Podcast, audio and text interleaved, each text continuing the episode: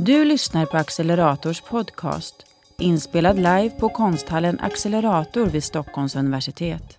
Hej eh, och välkomna eh, allihopa till det här samtalet som vi har här på Accelerator ikväll med titeln Konst, form och språk. Det här samtalet är eh, det sista i en serie av samtal som är till Johanna Gustafsson Fürsts utställning Ympa orden, piska min tunga. Utställningen eh, pågår just nu på Accelerator fram till på söndag, så att det är de sista dagarna. Eh, jag heter Therese Källner och jobbar som intendent här. Och eh, jag har äran att ha med mig konstnärerna Hans Isaksson, Lisa Torell och Johanna Gustafsson Fürst. Och även Imri Sandström är med på länk om tekniken håller. Eh, och hon kommer all, alldeles strax dyka upp här på skärmen efter att vi har visat några bilder. Det här samtalet kommer att pågå i strax över en timme, ungefär en timme och en kvart. Och vi kommer öppna för frågor i slutet. Eh, samtalet livestreamas. Så eh, för er som följer oss eh, via streaming på Facebook ni får gärna ställa frågor i kommentarsfältet på streamingen. Ifall ni har några frågor så kommer någon av mina kollegor att eh, framföra dem till oss i slutet. Det här, eh, hittills i den här samtalsserien som har hört till Johannas utställning så har vi eh, pratat med en rad språkvetare och eh, personer som arbetar med språk på olika sätt. Eh, många skrivande personer. Ehm, och det har varit eh, olika frågeställningar i samtalen som har berört eh, ämnen som berörs i utställningen. Som framförallt eh, kretsar kring maktutövning genom språket och relationen mellan kropp och språk. Eh, I det här samtalet så vill vi fokusera på eh, konsten och konstens språk. Um, och ordens relation till form och gestaltning särskilt ur eh, fyra konstnärliga praktiker. Ehm, våra konstnärer kommer ikväll, eller kommer alldeles strax att berätta lite om sina arbeten eh, själva. Så jag kommer bara eh, ge en kort eh, introduktion av er innan, så innan jag lämnar över till er. Jag börjar med Imri som ni inte ser än, eh, eh, som är med på länk. Imri är konstnär, författare, forskare och lärare och informerad av eh, feminism, posthumanism och dekolonialt tänkande och upptagen av frågor som rör ljud, översättning, språk och historia. Förra våren, 2019, fick hon sin doktorsexamen i litterär gestaltning från Akademi Valand, Göteborg, Göteborgs universitet med avhandlingen Tvärs över, o, tvärs över otysta tider, Across Unquiet Times. Hans eh, är konstnär som arbetar med en slags förvrängd hyperrealism i olika material och metoder för att ge bortglömda eller försakade ting ett nytt tredimensionellt liv och belysa värderingar vi lägger i de saker som vi eh, omger oss med. Och för eh, två år sedan, 2018, så kurerade och producerade du um, Residence in Nature. Uh, ett residence där konstnärer bjuds in till att jobba specifikt utifrån en plats. Um, tillsammans med dig, Lisa, som också kurerade och producerade, och Åsa Jungnelius. Um, ehm, den gången, Residence in Nature nummer tre, så tog det plats i din eh, eh, barndomsby, Lainio, Eh, som ligger i Norrbotten nära finska gränsen. Ett, eh, eh en plats med många språk, eh, många språk som talas. Och där under Residence 23 så fick Johannas utställning sin eh, utgångspunkt. Eh, Lisa Torell, konstnär, och i din performativa plats, platsrelaterade praktik utforskar du frågor relaterade till samhälle och funktion med fokus på relation mellan plats, språk och identitet. Ehm, 2018 disputerade du med projektet Potential of the Gap inom ramen för konstnärlig forskning i Norge. För närvarande gör du också din postdoc i, på Konsthögskolan i Umeå. Johanna Gustafsson Fürst, eh, du är konstnär och i dina arbetsprocesser bryter de bryter sig in i sambanden mellan sociala system och existens. Till exempel i relationerna mellan makt, motstånd, språk och kropp. Du använder dig av en mängd olika medier som text, installation och skulptur och använder föremål och material som hänvisar till en plats och en funktion som inkluderar specifika berättelser i verken. Du arbetar även som lärare. Ehm, då tänkte jag be er fyra, var och en, berätta lite själva om ert arbete och att göra det utifrån eh, dagens tema, alltså hur ser ert språk ut, ert konstnärliga språk? Vad är det för medier och formuttryck som ni väljer? Och hur ser, ja, ni kan säga kanske något om hur relationen till ord eh, ser ut. Och jag tänker att vi kör alla fyra på en rad eh, med Imri sist så kan jag fråga lite följdfrågor när, när vi har kört igenom alla. Eh, jag börjar med dig Hans. Så nu byter jag bild här för att sätta på din mikrofon.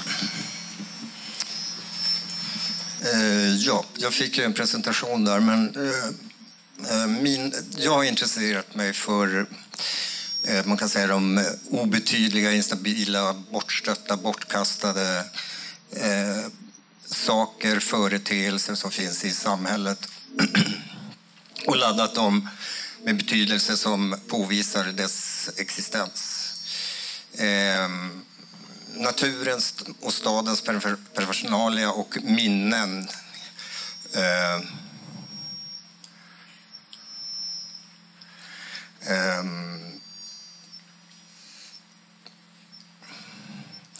och det handlar om, liksom, om, människans, vad ska man säga, om människans obehörliga försvinnande och det är väl liksom döden som är väl eh, trots att jag inte, aldrig vill nämna det i mina arbeten så är det egentligen det mycket handlar om.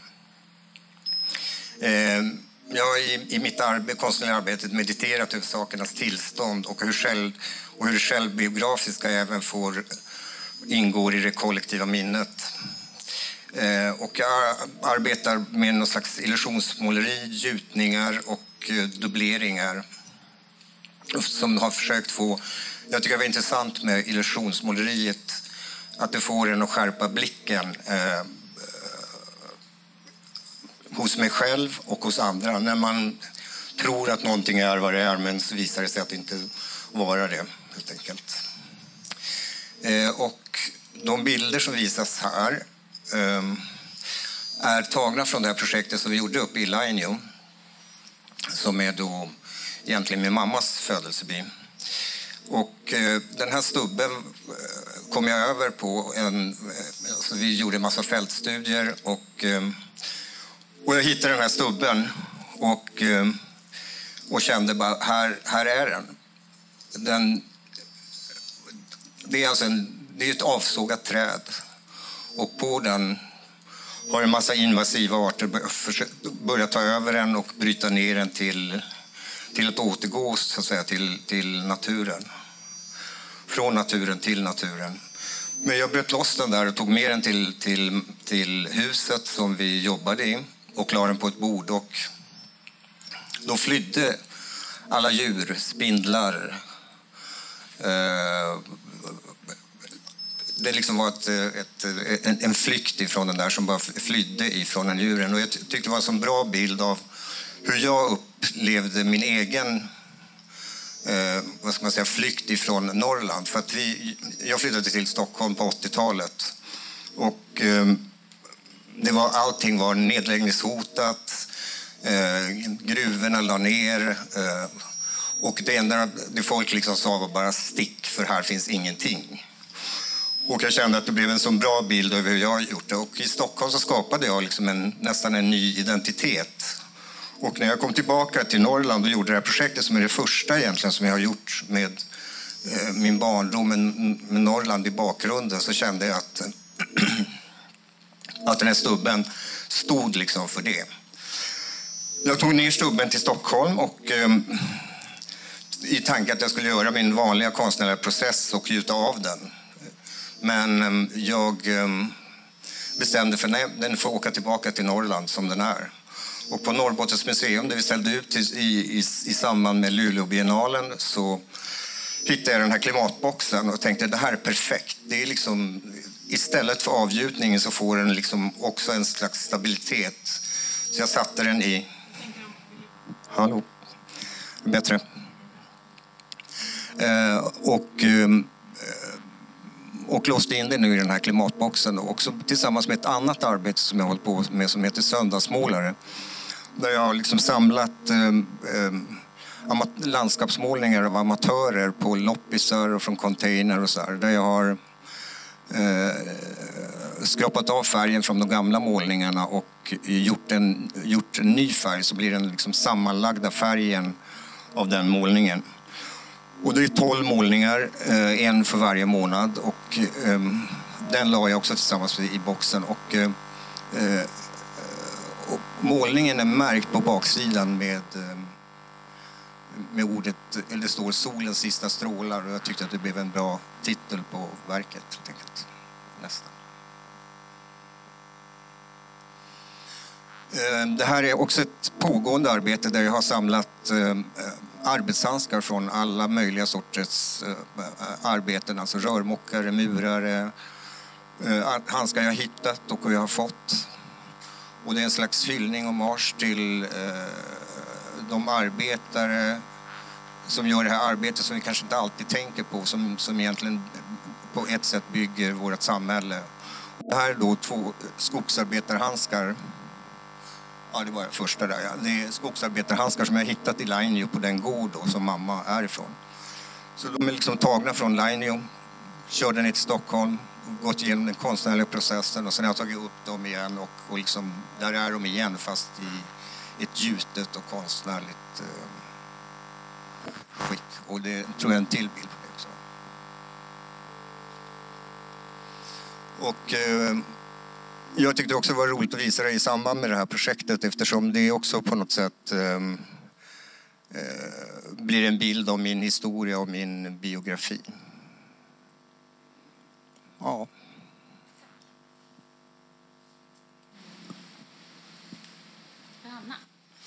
Ja. Um, oj, vad högt jag låter. Jo, um, jag ville börja med att berätta hur det känns att prata om ett verk som är bestämt som färdigt och att göra ett verk, apropå dagens tema. Jag kom på en liknelse med det att bråka. När man är i ett väldigt ett gräl så är det ju massa passioner och man vet inte så mycket och man kör på och det är jävligt jobbigt. Och, ja.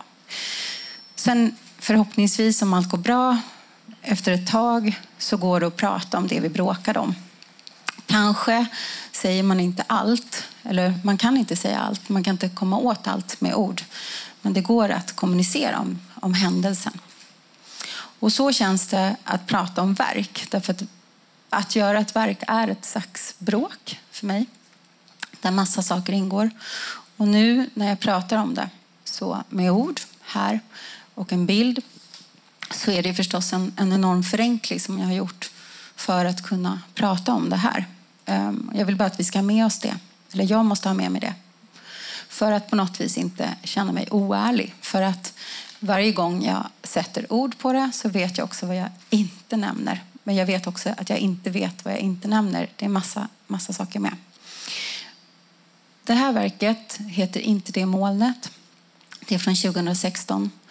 Och det var en lång process som började ur det att jag hittade en, en garderobsdörr från Ikea på gatan. Och min första, mitt första intresse var att faktiskt se om det gick att med en konstnärlig process upplösa att det är en garderobsdörr. Den enkla frågan var i början. Och sen så började jag arbeta. Den tog väldigt lång tid. Det var svårt att upplösa den.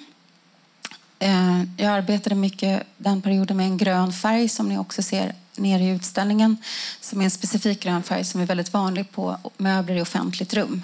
Som är uppfunnen för att man ska, det som ett tecken på eh, kommunalt ägda möbler. Den här färgen har sen spridits så till exempel heter den Malmögrönt i Malmö så är den nu officiellt det man ska ha på allting. Men dess första länk är till eh, det offentliga rummet.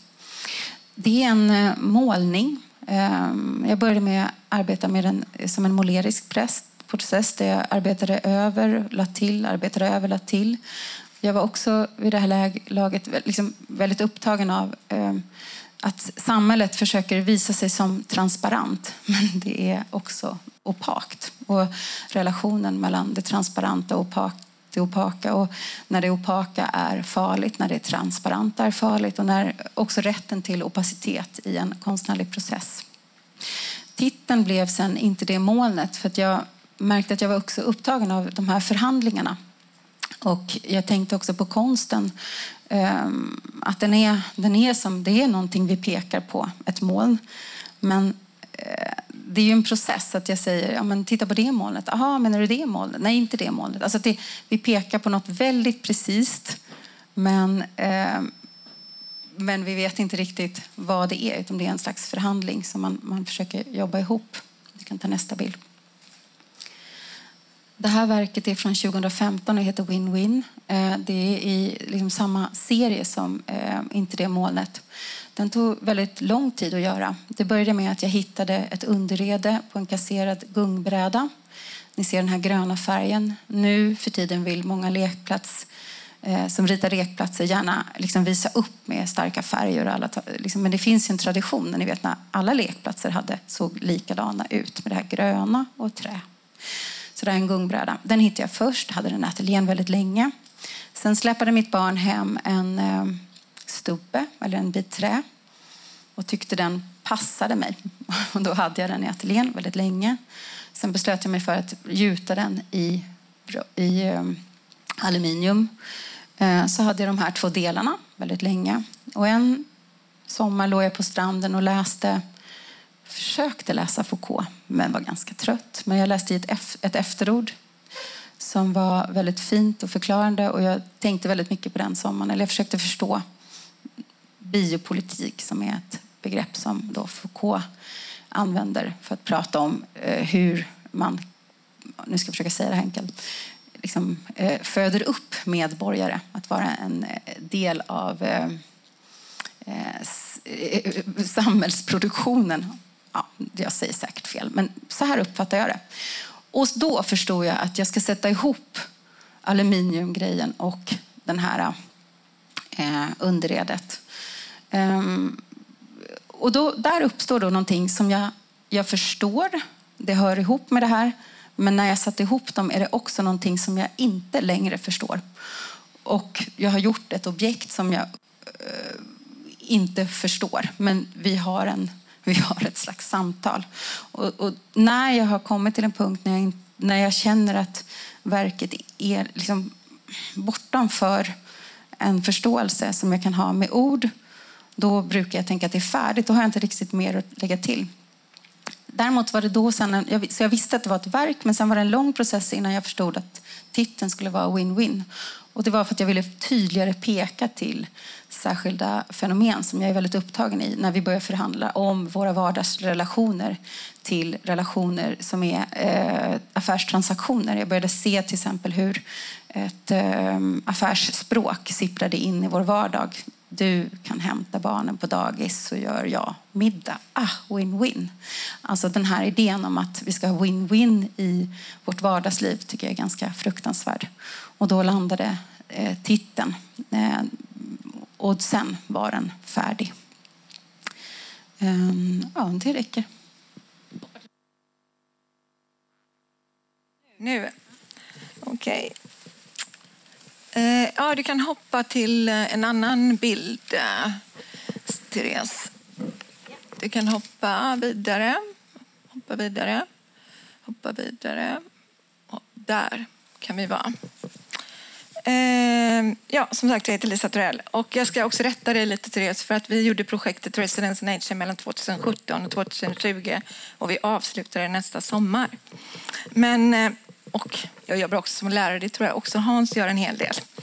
Eh, men jag tänkte, för att eh, kortfattat jobbar jag med, med glappet mellan politik, samhälle och estetik. Och det här som jag visar nu är lite som en trigger för hur börjar en konstnär jobba? Vad, vad är det som får ens eh, hjärna att hoppa? För mig var det lite det du sa i början här, Therese. Eh, samhällsmaktutövning, institutionskroppsmaktutövning, personmaktutövning. Alla de här sakerna som eh, gör att vi blir mindre som människor är någonting som jag i konsten försöker jobba mot på olika sätt. Och den här lilla annons, annonsen, jag menar infliket som fanns på eh, Västerås stad och biblioteket här i våras i samband med att covid öppnade, det kunde man ju önska, eh, dök upp. Eh, talar väldigt mycket om den här, det här glappet mellan lagar, glappet mellan eh, verklighet och eh, eh, politik, helt enkelt. Också sån här, det är när man verkligen kan se när samhället har blivit en slags estetiser, eller politiserad estetik. är detta.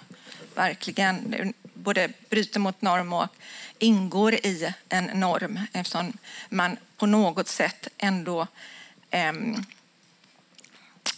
eh, mitt uppe i, i ett så infekterat klimat när alla vill vara normkritiska ändå finns det en kultur med att på bekostnad av vissa grupper kan man ta sig fram.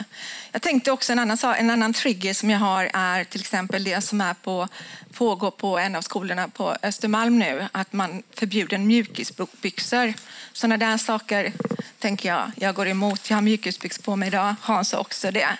Det finns konst är en form av handling, det är språk, det är kommunikation. Det är, och språk, när man pratar om språk i konst så tänker jag att det är alla lager av språk. Du kan hoppa till den här äh, nästa, nästa, den. För att inte tappa bort mig fullständigt här så ska jag ändå ge er någonting här. Eh, jag jobbar inte i ett material, utan med alla material. Det är alltid platsen som bestämmer hur jag, vilken metod jag använder och eh, hur jag ska gå tillväga. Och det är kontexten helt enkelt, vad det här kommer sluta i. Och språken som konstnär, apropå det jag sa innan, då, det är materialet. Jag menar, som alla er här har på er något speciellt. Det här stället möblerat på ett speciellt sätt. Det är alla de här språk och kommunikationssignalerna som vi ger ut på olika sätt.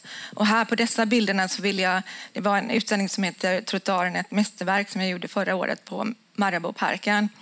Där var det liksom språk, eh, språkligheten av både den exteriöra samhällsomsorgen och den interiöra institutionsomsorgen blandat med konstnärens omsorg som jag på något sätt ville blanda ihop genom att just leka, för jag tycker humor är viktigt, leka med den expressionistiska sandboxen och eh, det målade liksom Redmaids verkligen och utanför så får den vara i sin e egen helhet som en vanlig enkel sandbox som går att använda. så det, och att, att jag tänkte där att eh, för det här hela utställningen var också möblerad med den här typen av stolar så att eh, vi det är ju system, logik, konvention och brott som jag är intresserad av. Hur man på något sätt stretchar olika saker. Och eh, konst kan ju vara allt och inget. Och det är lite viktigt att man hela tiden pushar det som vi tar för givet, att man hela tiden utvecklar någon form av förståelse för kommunikation. Och eh, jag tänkte den sista saken är väl att som jag tänker att jag, mitt ansvar som konstnärlig forskare det är verkligen att bidra till att vi vidgar kommunikation. Att vi vidgar sätten vi har som människor att uttrycka oss på. Vad är mer tillåtande där? Så att, för det finns alldeles, samhället är alldeles för hårt, det begränsar alldeles för mycket. Ehm, så det är liksom viktigt att man får syn på både begränsningar och sätt att mjuka upp en förståelse av, av oss människor. Eh, ja, det räcker. Ska jag stänga av? Jag ner det här. Och Imri, jag kommer byta till dig nu så att du kommer upp på skärmen. Okej.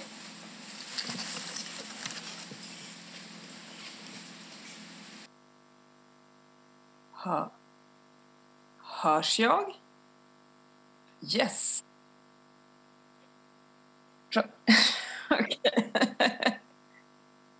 eh, ehm, Okej, hej. Eh, ni, do, alltså, jag ser ju inte publiken nu, men jag antar att ni ser mig. Men eh, hej allihopa, eh, kul att vara här. Ehm, jag tänkte helt enkelt prata om lite om eh, den här. Och det är eh, precis som Therese sa så, så är det alltså är det avhandlingen som jag gav ut 2019 i samband då med att jag doktorerade. Den heter Tvärs över otysta tider, Across Unquiet Times. Att skriva genom Västerbottens och New Englands historier och språk tillsammans med texter av Susan Howe. Eh, och Susan Howe är alltså en eh, poet och en eh, litteraturteoretiker ehm, som jag har läst väldigt mycket. Och när jag läste henne successivt, eller jag läste henne från det att jag var 20 kanske.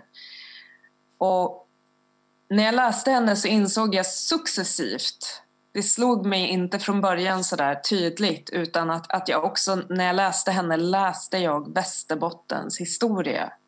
Och i det så uppstod liksom en fråga då. Hur, va? Hon skriver inte om Västerbotten, hon har aldrig varit där. Um, och, Eh, men däremot skriver hon om New Englands histo- i historia och vad ska man säga eh, historia men också litteraturhistoria väldigt ofta och att jag insåg att någonstans här så, så händer någonting. Så eh, forskningen var alltså inte ett jämförande utan snarare ett kors, korsläsande kan man säga. Eh, och väldigt tidigt så bestämde jag mig då för att det jag jobbar med är historia.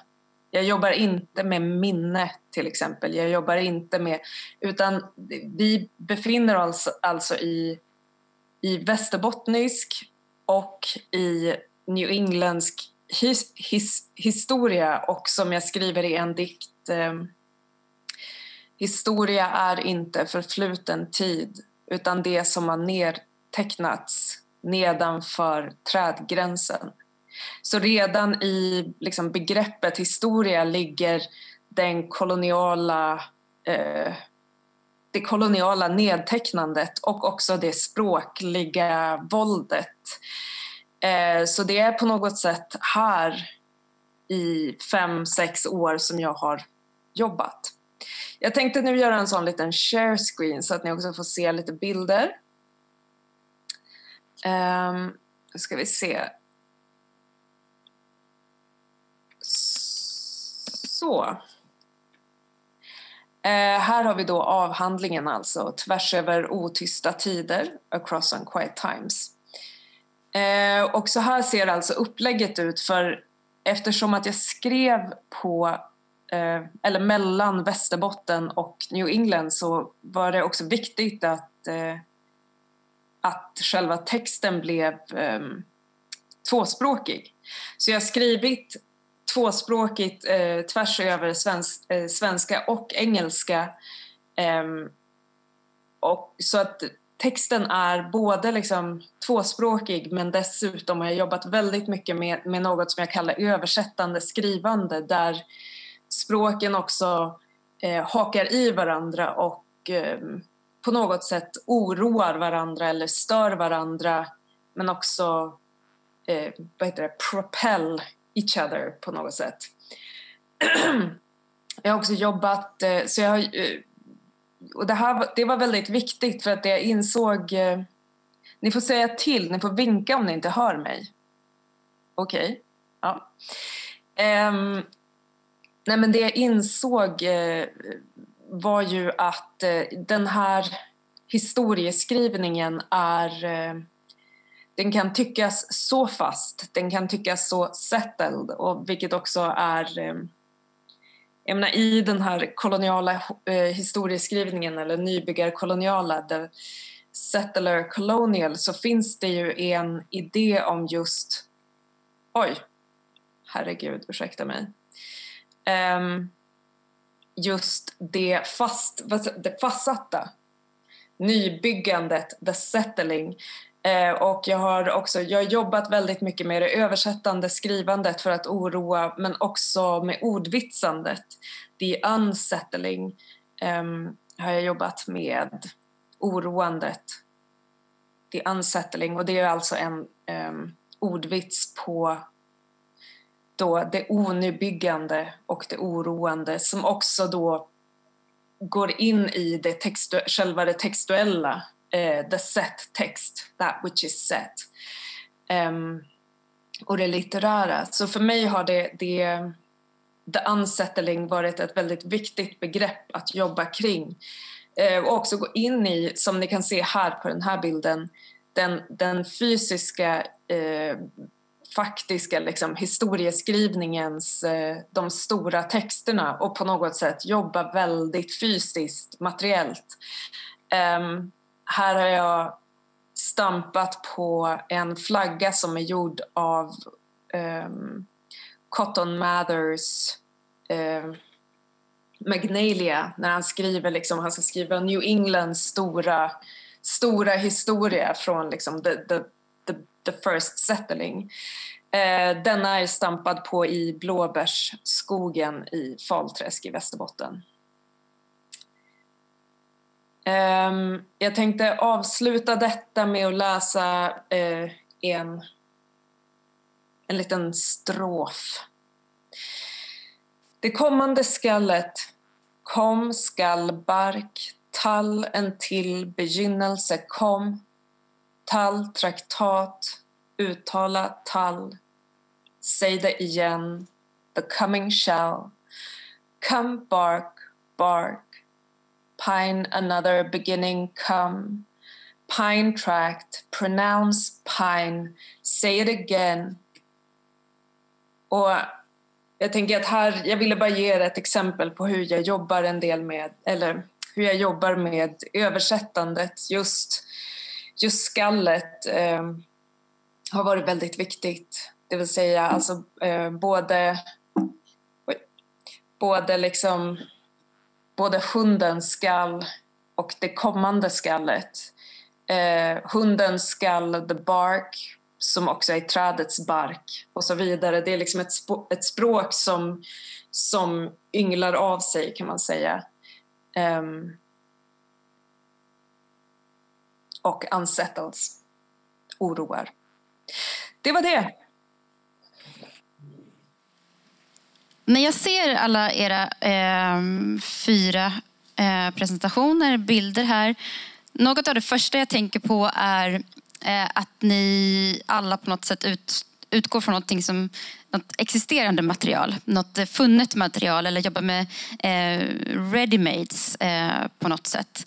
Och eh, tänkte om, om ni ville liksom svara på den eh, lite, vad, vad det, hur det hur det har utvecklats, hur det kommer sig. Och en följdfråga är också um, förhållningssätt till, eller hur, hur, relation till abstraktion. Men um, den, du Hans gav ju till exempel det tydligaste, eller det första eh, exempel på just liksom att verkligen ta någonting och placera eh, in i en annan eh, kontext. Är det någonting du eh, ofta gör, som i, i fallet med, med stubben här. Eller, och även de handskarna ter sig vara tagna från eh, en annan kontext men det är de ju inte alls utan de har ju verkligen gått igenom en, en förvandling, mm, eller en process. Mm. Eh, jo, eh, alltså, jag jobbar ganska ofta så. Jag tror att den är på. Ja. Ehm, men jag tänkte när du, just när du sa de där orden så tänkte jag på ett, ett verk jag gjort med som både abstraktion och... Eh, men jag hittade en tensisask och, eh, för många år sedan. Eh, när jag gick på Konstfack faktiskt. Och jag insåg att plån, själva plånet var en färg. Därför att det var ett litet, litet fel på plånet. Och jag såg att liksom, det, det är nästan som om någon har målat fel. Och när jag insåg att det var en färg så använde jag mig av den och fick tag på den färgen och gjorde den färgen och gjorde då, vad ska man säga, abstrakta målningar så att säga. Men plånet är fortfarande ett plån men den liksom satt i en ny kontext liksom. Så att, eh, och dessutom så var det att um, publiken fick liksom använda det här plånet och, och, och, tända på det och därmed blev liksom publiken medskapare till verket. Liksom. Jag vet inte om det, men det, det var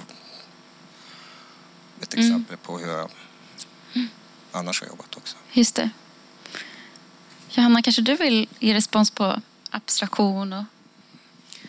Ja, men jag, jag tror att jag är eh, lite likt Hans. Alltså att på ett vis så kan man tycka att jag har sett det där verket eh, med plånet. Det är inte ett dugg abstrakt. Det är ett jätteplån och det var tändstickor. Och jag kan erkänna att jag, jag förstår att mina verk är abstrakta. Men eh, eh jag, på riktigt känner jag inte det. Alltså, jag, jag förstår det, men jag känner inte det. Jag är ute efter en form av... Eh, att det, och det hör ihop med att jag använder mig av saker som oftast är funna. Som, som för, för då, det, det, är lite som att man plockar ord ur en ordbok. Alltså. Det är så enkelt som Lisa också sa. Ni vet att det finns menar, glas, eh, det finns nästan som att världen består av eh, ord. Då, då. Så jag tar ju eh, saker som finns, som folk känner igen, eh, sätter ihop dem. Då skapas det, då finns det förstås det där, alltså det är ju typiskt montagearbete. Det finns kvar själva glaset, men jag sätter ihop det med någonting annat och så skapas någonting tredje. Eh, och där, det skapas också en tystnad för de här eh, orden eller materialen som jag hittar, de, tillsammans blir de ju någonting som jag ännu inte har ett ord på. Så då skapas någonting ordlöst, alltså en tystnad. Så jag har behov av att använda mig av ett känt vokabulär så det finns inkänningar, ingångar, skapa en slags tystnad, något vi inte känner igen. Eh, och där, där, det är väl liksom där jag landar när det är klart. Och jag förstår att det är abstrakt men det är också inte abstrakt så det växlar däremellan och jag behöver den där växlingen.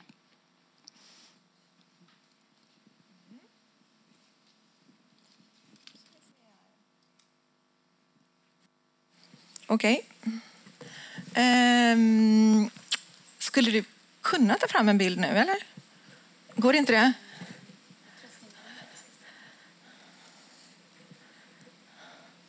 Ja, du kan ta fram eh, den bilden med text på. Den. Mm. För att eh, jag tycker det är intressant med readymates, för att det är ju någonting som redan finns. Eh, som kanske har en specifik historia. Eh, som eh, eh är ofta kontextuell. Delvis. Den kan vara nationell, den kan vara vad som helst.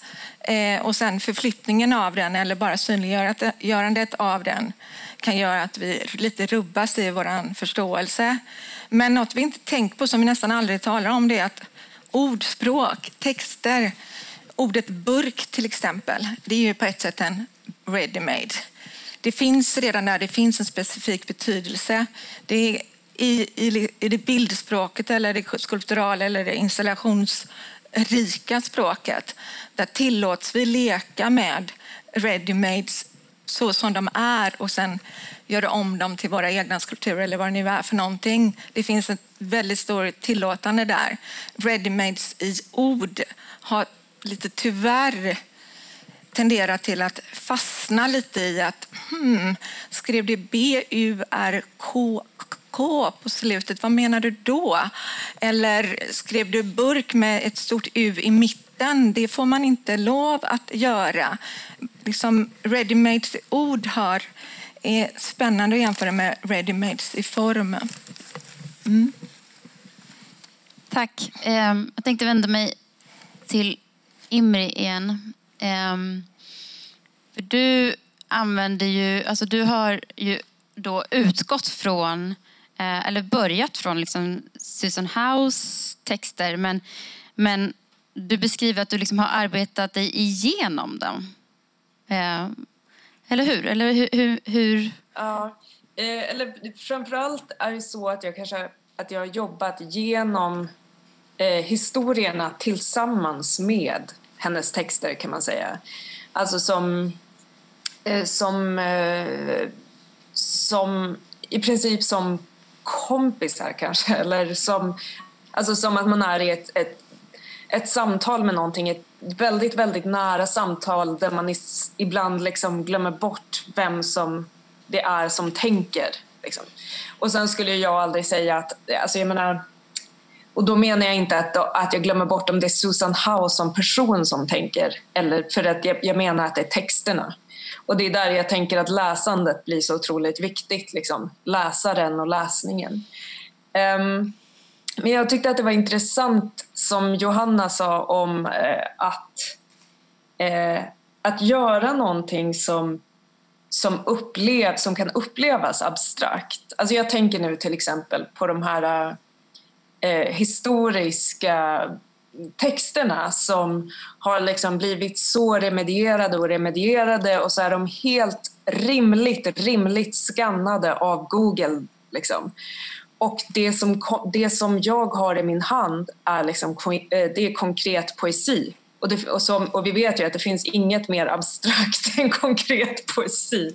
Nej men, förstår ni? Det är liksom bara, det är, och jag är ju ehm, för det, jag tycker att det är intressant med, med liksom den här idén om det konkreta och det abstrakta för att det är liksom det handlar ju, när man pratar om det, det abstrakta så pratar, brukar man ju bara prata om en tematik.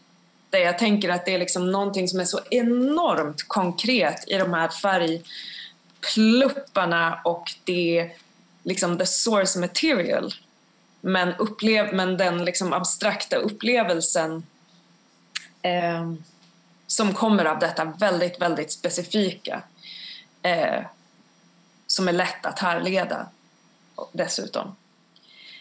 Um, det var det. Ja, tack. Um, en annan sak som jag tänkte på när ni presenterar nu är just um, uh, hur ni arbetar med titlar.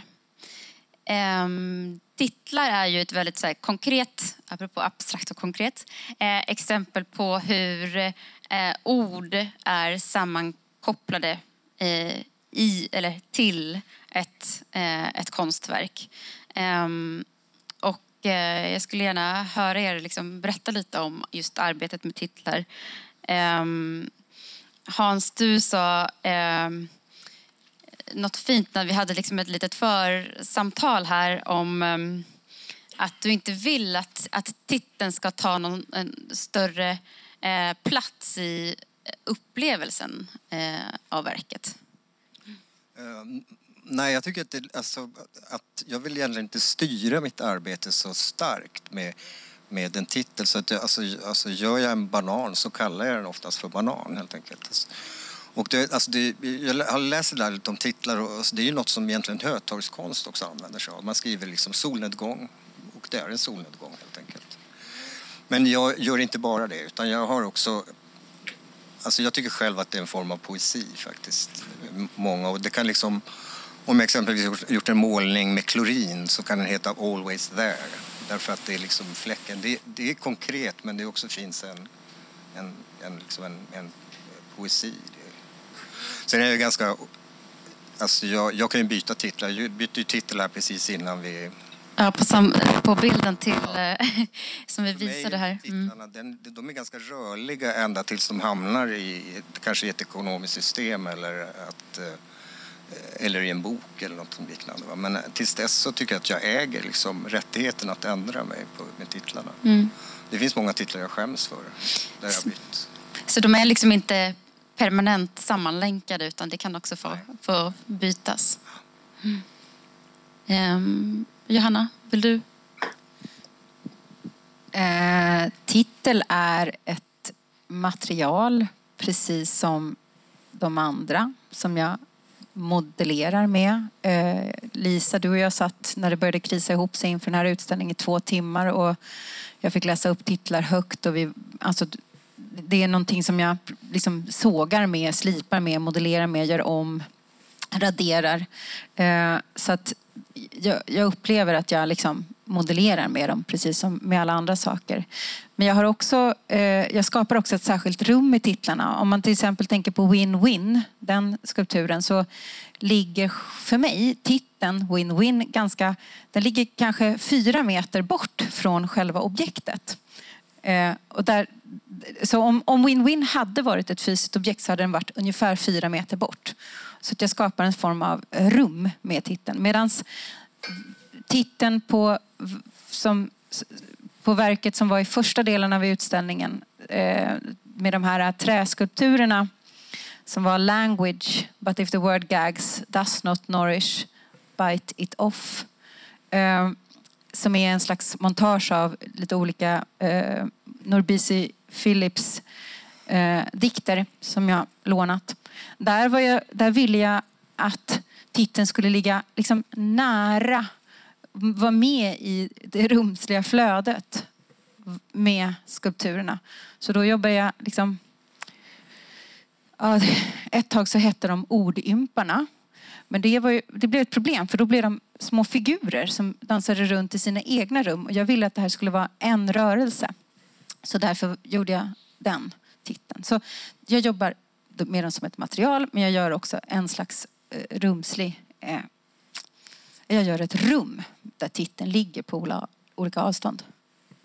Jag vill kommentera just den för att eh, jag kommer ihåg att du beskrev ganska fint också hur just eh, Norbisi Phillips var den poet som du upplevde eh, skapade liksom tungvrickningar eh, i eh, sina dikter. Att det, liksom, att, det, att det kändes i munnen. Eh, likt hur ja, men skulpturerna har liksom fått en kropp och det här nu, de dikterna gjorde, skapade ett medvetande om kroppen för att um, ja, det, det var, det liksom, man får jobba med tungan för att...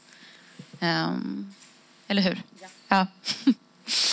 um, och Lisa, du, när du eh, inledningsvis berättade här, liksom, du, du, du pratar om hur allt eh, allting är integrerat eh, eh, väldigt mycket. Jag tolkar det som att liksom, eh, också titeln är ett material som alla andra, eller? Ja, jag vill eh, också lite poängtera någonting. Jag, jag ska återgå till det, men jag tycker det var roligt att höra det, precis som du sa på vårt förmöte och nu återigen, för jag har alltid tänkt att du jobbar ganska hårt med dina titlar och att eh, de är rätt konceptuella och att det är liksom ja, banan, banan. Jag menar, det är ju enkelt, va? Nej, men till exempel, som, bara som exempel, det som vi sa nu. Det skapar ju ett tredje rum eh, för att just är så dubbelt och enkelt. Så det, jag tänker att titeln är ju för mig alltid ett luftrum. Men, och det, många verk kan börja med en titel. Det är kanske där jag börjar. Eh, och det är ju någonting som riktar verket. För den sakens skull, jag det ingår. Det är bara en statist. Eh, som, och det kan vara olika huvudspelare i ett verk. Så ibland kan titeln vara huvudspelaren, helt mm. enkelt. Eh, och Imri, du, eh, du sa någonting när vi liksom hade ett litet försnack här om att du vill att, att titeln ska fortsätta att göra. Eh, och att det, att det finns någon slags eh, rörelse eh, i titeln. Vad, hur menar du då? Eh, nej men jag, sku, jag, skulle, eh, jag skulle nästan kunna eh, ta vid där och prata om eh, just det här med liksom den skillnaden mellan, för jag tänker att det finns en skillnad mellan en, alltså den tidiga titeln och den sena titeln. Eh, och det här arbetet eh, tvärs över, som resulterade då i avhandlingen Tvärs över otysta tider hette ju från början How across reading performing the past. Och i den titeln så försökte jag nog skriva in så många premisser för det här arbetet och så många frågor så att det, den skulle liksom den skulle arbeta den skulle arbeta mig framåt på något sätt, eller inåt. Eh, dels var det den här underliga grejen att liksom performing the past. Hur gör man det? Det förflutna kan inte skrivas ner, det förflutna är borta. Historia, performing history, det kan man göra, men the past. Så där ligger det en fråga för det första. Eh, men sen var det också just den här premissen, ordvitsandet, som var väldigt eh, viktig. Och att, jag, att det var roligt att inför liksom kommande performance-situationer kunna skriva in så här um, How a cross-reading of these lands uh, där, how, där ordet how, eller där namnet how kan bli ett hur eh, och där across kan bli across, re, alltså across reading, en korsläsning istället för tvärs över. Um, så den där typen av liksom att, att stoppa in på något sätt dels väldigt, väldigt konkreta möjligheter för eh, ord, ordvitsar som kan arbeta eller liksom för eh, frågor att försöka arbeta på eh, en metod. Och det finns ju också här i eh, Otysta tider, tänker jag, Eh, the Unquiet är ju också en, liksom, det, det oroliga. Eh, det var viktigt att det oroliga och det otysta skulle kunna liksom, arbeta tillsammans i den titeln och förhoppningsvis då skapa någonting tillsammans. Eh, nej, men jag, jag, kände lite för att eh, bara nämna någonting som jag tänker om alla er tres titlar som gör olika saker eh, apropå saker vi pratat om tidigare. Om vi, om vi nu tar ditt bananexempel här, förlåt, men vi fortsätter med det. Men vad som händer är om man har en banan och benämner den banan så gör man två saker. Man, gör, man ogör båda de här sakerna. För vi vet ju att när, Hans är, när det är en Hansbanan så är den kanske gjord i, i brons och den är målad så den är inte en banan. Och då plötsligt så kan man se hur ordet banan är lika lite. Så det är något ogörande håller på med. Och sen tänker jag Lisas titel Trottoaren ett mästerverk. Där blir ju också en upplyftning av, alltså som, som blir en otrolig, alltså den titeln visar ju verkligen någonting som du berättar, som är en, en gigantisk eh, eh, diskussion som handlar om offentligt rum, vad som finns bakom offentligt rum. Alltså att en bredare trottoar kan en person som är funktionsvarierad gå med sin rullator på så att den, den titeln, liksom, där, där, där visar du på makten direkt, upphöjandet av någonting. Och Imrid tycker jag är väldigt roligt, när man liksom, därför att någonting i de här korsläsningarna man gör i dina verk, det, eh, eller i den här boken då, där blir väldigt, ordet bark blir väldigt, alltså orden blir väldigt mycket bilder. B-A-R-K, det blir liksom som en abstrakt form. Genom att du liksom, ni vet ju det, om man liksom upprepar ett ord jättemånga gånger så, så tappar det betydelsen och blir bild eller inget. Ja, ljud liksom. Så att jag tänker att vi alla jobbar med olika växlingar på olika sätt eh, i vårt titelarbete. Men jag tänker också att det är en sak som är väldigt viktig med titlar som du var inne på lite i början Johanna, men som vi alla varit inne på. Men Eh, det är ju att det skapar paus. Det skapar en... Man, annars kanske man, ja, men om det är en skulptur, man går och tittar på skulpturen. Och sen är det typ bra med det. Men genom att man får gå och se vad den heter då går man och tittar på vad den heter och sen går man tillbaka och tittar på skulpturen. Så det skapar ett rum för förhandling kan man säga. Och det kan eh, på massa olika sätt. Så jag tycker att det är ett sätt att ge paus, att rikta en publik också, den som, även om det bara är jag själv, jag menar jag själv är min första publik, så kan det ge mig en en möjlighet att se på detta en gång till. Och där tänker jag att må många, eller jag jobbar ju också med, antingen är man tydlig i verket och abstrakt i titeln. Eller man kan jobba med olika sätt för att kunna behålla en dramaturgi i den här pausen.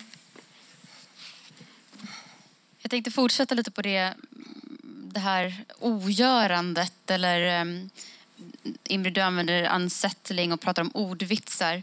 Och eh, någonting som jag också ser hos er alla är just liksom arbetet med um, det är språk och makt i relation och hur uh, um, humor också uh, dras in där.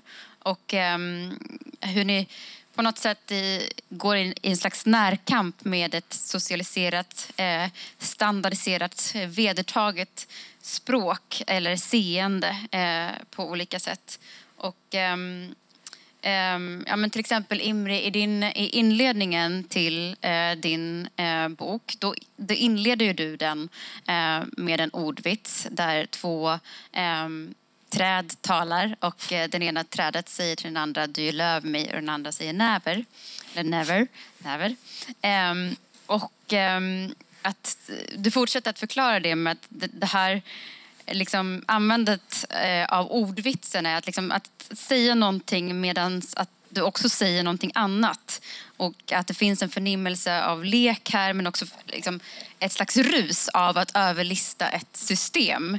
Att hålla sig till reglerna men att samtidigt eh, bryta mot dem. Och jag ser hur det här överlistandet eller överskridandet eh, eh, finns på något sätt hos er alla. Hur ni arbetar också med med språk som är liksom någonting som är mångbottnat och intrasslat och det är flerspråkigt och ni liksom vill åt någon slags pluralism. Um, um, och uh, um, ja, men Johanna, till exempel i, det finns en stor installation eh, där nere i utställningen just nu som har en, en eh, trespråkig titel. Och, eh, eh, som är paroll, paroll, paroll fast eh, på svenska, engelska och, och franska med liksom små eh, skiftningar så kan ett ord eh, betyda helt olika saker. Ehm, och eh, när vi har pratat om det verket har det också pratat om att liksom på något sätt röra sig i språkets eh, glipor eller att eh, kunna se på det här verket kanske som ett experimentellt partitur på något sätt. Att, att läsa språket eller formerna på ett, på ett annat sätt. Eh, jag ska ju säga att eh, alltså om man läser om den här utställningen så handlar det väldigt mycket om flerspråkighet och makt och eh, rätten till eh, alltså, det berikande med flerspråkigheten. Men eh, då, jag menar verkligen flera språk, alltså också mitt språk, skulptur, eller det språket som inte är gjort med ord. Så att jag ska säga det att jag tror att alltså varje verkprocess jag har är också uppgörelser. Jag, jag, tänker att jag jobbar med någon form av exorcism. Alltså att om jag fäster eh, win-win begreppet i en skulptur så har jag fångat kapitalismen. Och sen Sen är den död för den är fångad i objektet. Ja, det, det finns sådana. Och det, och det är samma sak med paroll, paroll, paroll. Att jag genom att fånga eh, och hela den här processen med den här utställningen, det, det finns liksom en, en, en eh, rädsla för språk för mig. Inte för skulptur. Det kanske kommer. Men, eh, så att jag har liksom behövt ta mig, hela den här processen har behövt att, alltså att göra ett objekt av språket som jag äger och behandlar som ett objekt. Liksom eh, som, som ett undersökningsobjekt.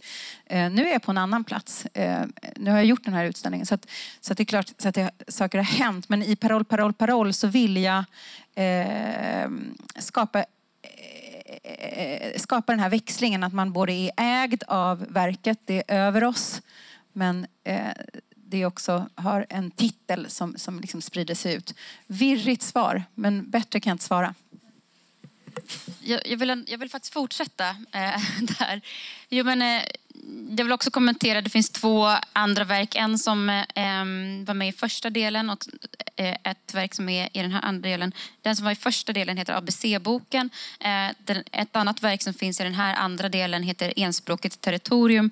Eh, och där är ju titlarna, men, eller egentligen hela verken, är väldigt mycket med och pekar på, det, på makt makten bakom eh, språket. Så det är ju eh, någonting som är väldigt genomgående i, i flera verk. Är det flera verk än så? Det är väl kanske alla i utställningen. Eh. Nej, men om, man, om man jämför så är ABC-boken, då, då, behövde jag göra upp med någonting som, som handlar om regler och språk och ett, eh, ett förtryckande system som, som, som jag ibland har upplevt. Eh, jag, är rädd för, jag var rädd för svenskundervisningen. Men, men, men, eh, och jag tycker att jag alltid brister i orden. Så att det var en slags uppgörelse. I Paroll, paroll, paroll så är jag på en annan plats. Det var ordet experimentellt partitur kom faktiskt genom ett samtal som jag eh, och Hans hade när jag visade en bild för Hans och sa jag vet inte fan vad det här är men den här ska det bli. Och då sa Hans men ett experimentellt partitur och, och då, då, då det hjälpte väldigt mycket för då förstår jag också att jag plötsligt har en annan attityd till språket. Jag kanske kan laja mer nu. Jag, liksom, genom att ha gjort ett objekt av det ett tag så är jag på en annan plats. Du har ju ett verk som är utan titel eller untitled. Är det flaggan där? Ja. Eller ja. skjortan? Ja. Eller? Ja. Varför då? Ja, den är ju faktiskt minst abstrakt, som Therese säger. Tack. Ja, den, ja, den, den är där. Liksom, vi ser. Jag är också, jag är också väldigt, och det, det tycker jag är någonting som jag tycker vi har gemensamt, att vi har vi är ganska folkliga. Alltså jag har lust att berätta lite så att folk får olika ingångar. Alltså det finns ju olika publiker. Vissa vill inte ha titlar och texter och dem. Det är klart att våra verk står utanför den här eh, fina processen som Lisa beskrev. Eh, men vissa får hjälp av titlar och texter och då, då kan man skapa flera ingångar till ens verkprocessverk. Jag tänker mer att det verket ingår ju i hela. Att inte, menar allt eh, ett verk som... Eller jag tänker inte att det inte har någon titel. Utan jag tänker att det är, det är liksom huvudtiteln. Det är liksom installationen, en del av installationen. Lite.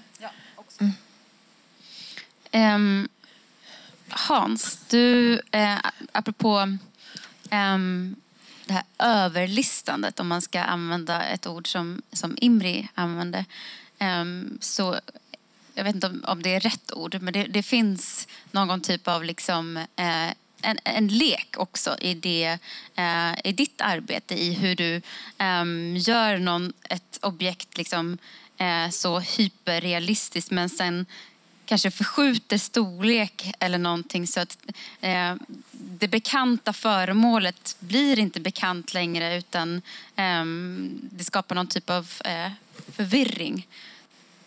Alltså de, jag jobbar egentligen inte med hyperrealism. För att, Nej. Alltså, jag jobbar, alltså det är hyperrealistiskt på ett visst avstånd.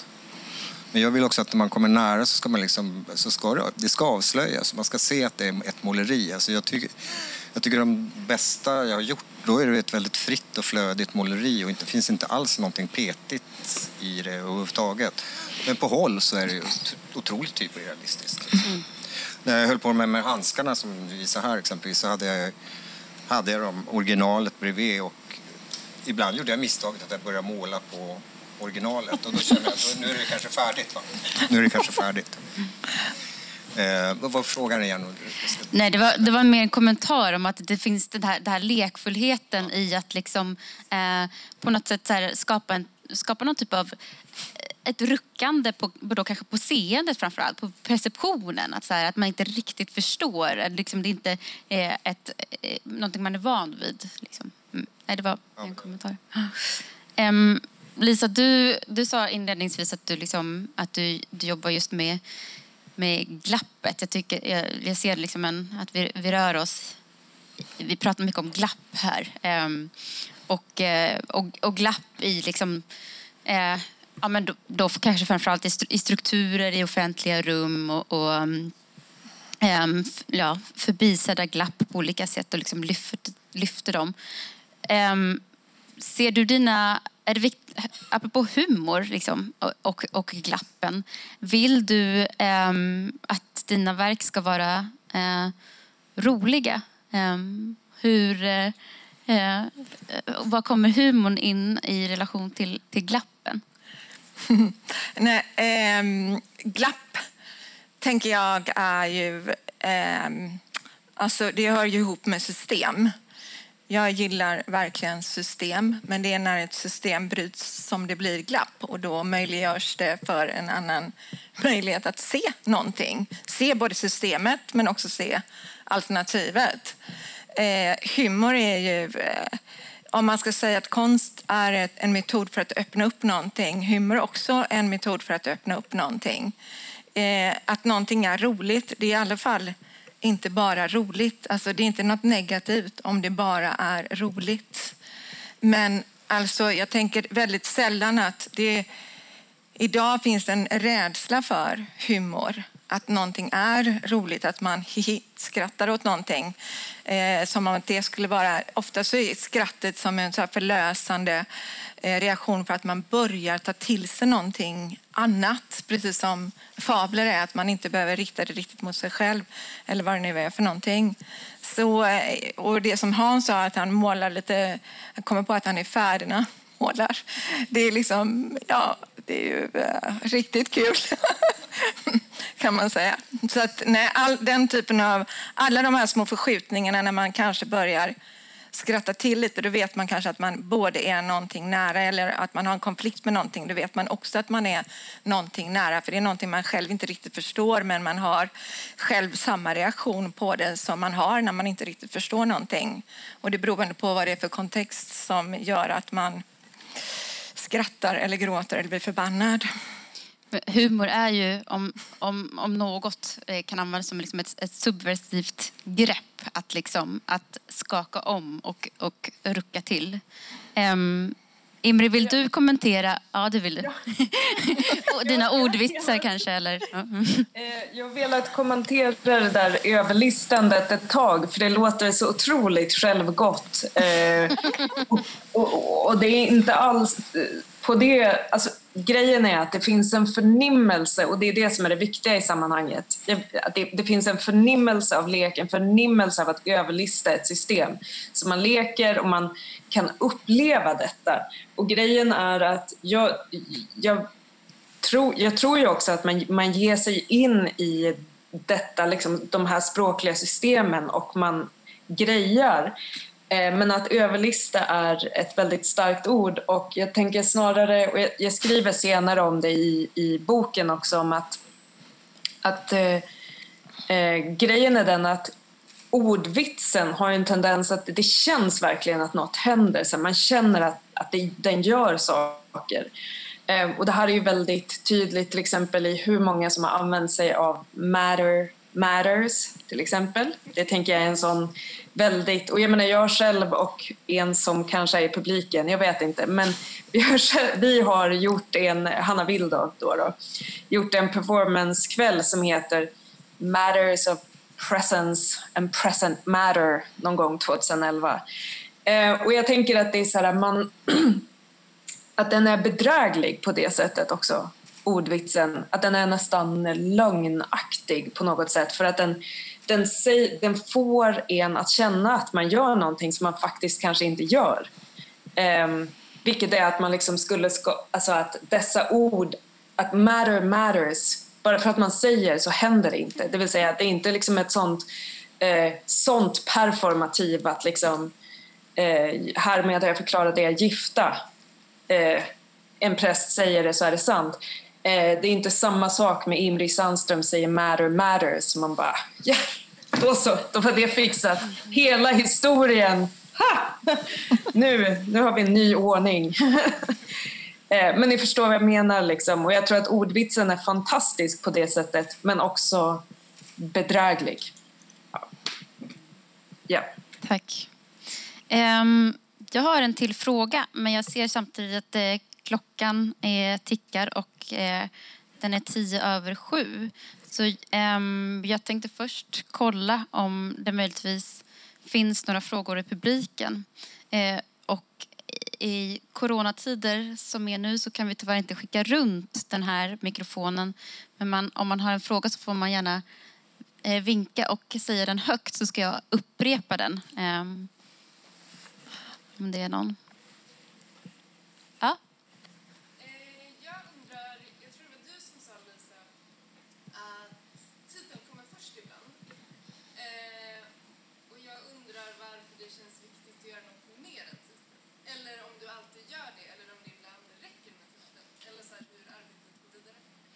Då ska jag bara upprepa den eh, så att det kommer in i kameran. Det är mm. alltså eh, att titeln ofta kommer först. Och om, om den gör det, eh, varför eh, känns det viktigt att det kommer mer än titeln eller fortsättning av titeln? Eh, tänker jag mer att om det räcker med titeln så räcker det med titeln, så då stoppar jag ju där. Men oftast är det en dragning i en mening eller några ord eller någonting som precis som man kan få ett sug eh, av någonting eh, man går och sparkar på på vägen eller något. Alltså det är mer att man vet att det finns mer substans som man är ute efter. Så att, men absolut kan det stoppa där. Jag har, eh, titeln är inte på något sätt undervärdig.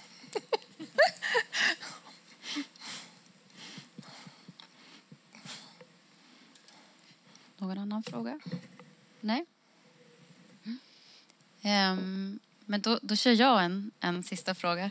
Och, eh, det var någonting du var inne på, eh, Johanna, eh, om att du gärna vill ge fler ledtrådar eller så till eh, publiken. Och, ehm, Eh, min fråga är, gäller verbaliserandet kring konsten. Eh, jag har några gånger när jag har visat din utställning eh, fått frågan Eh, vid något tillfälle kring hur viktigt liksom, vad ska man säga, bakgrundsinformationen är, eller texten till eh, utställning.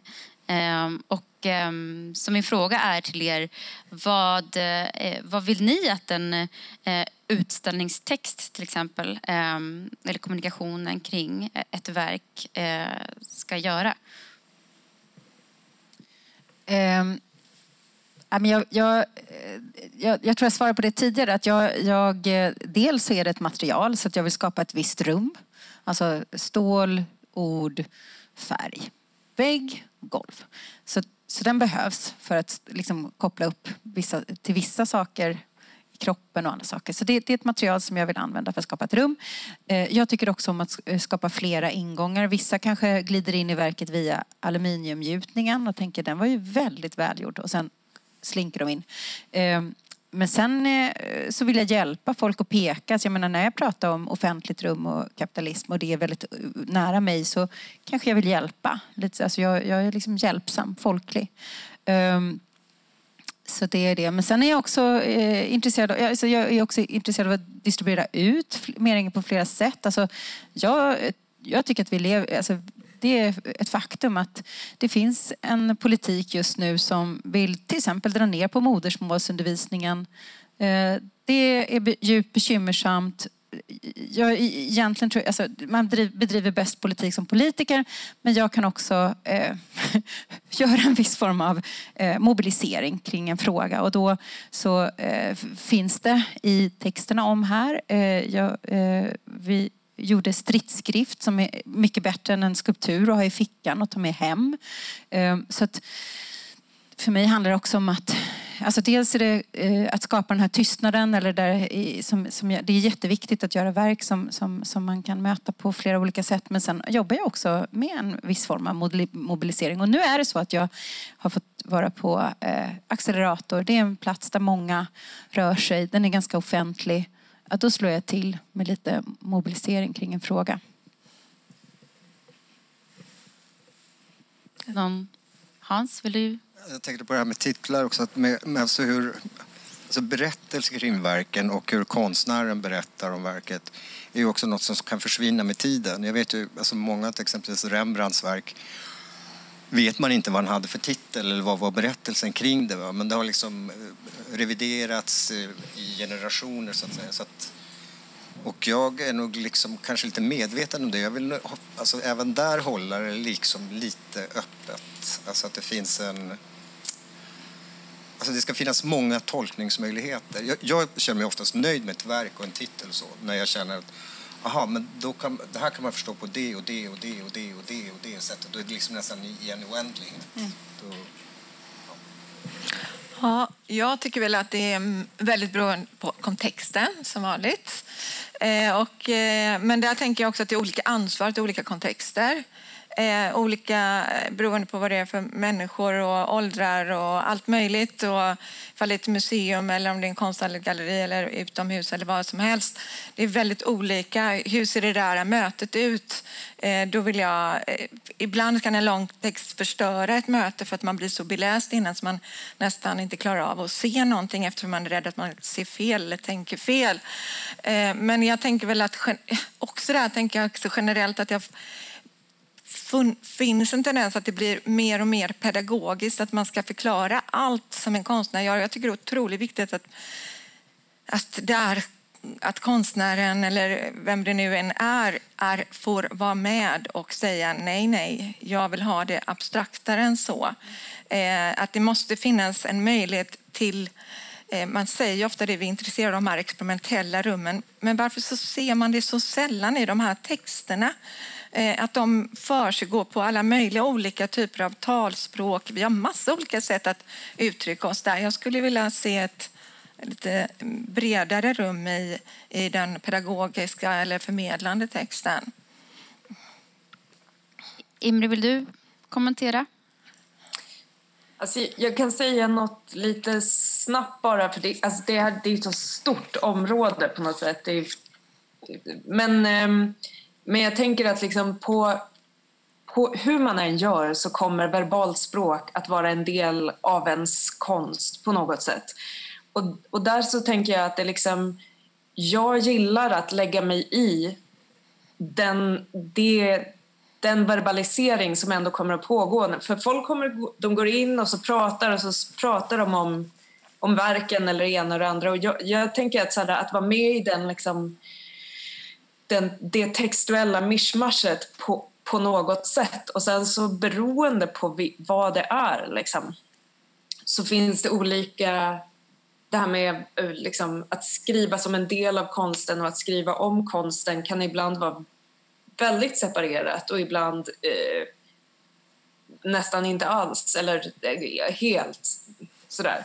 Så att eh, det, det beror på, men bara att, att, det, liksom, att det det verbala, verbaliseringen är liksom alltid där när vi, om vi håller på och snackar om människor, för de snackar. Yeah. Jag tror det blir några fina slutord faktiskt. Tack. Tack Imri, Hans, Lisa och Johanna och eh, tack till alla er som har eh, lyssnat.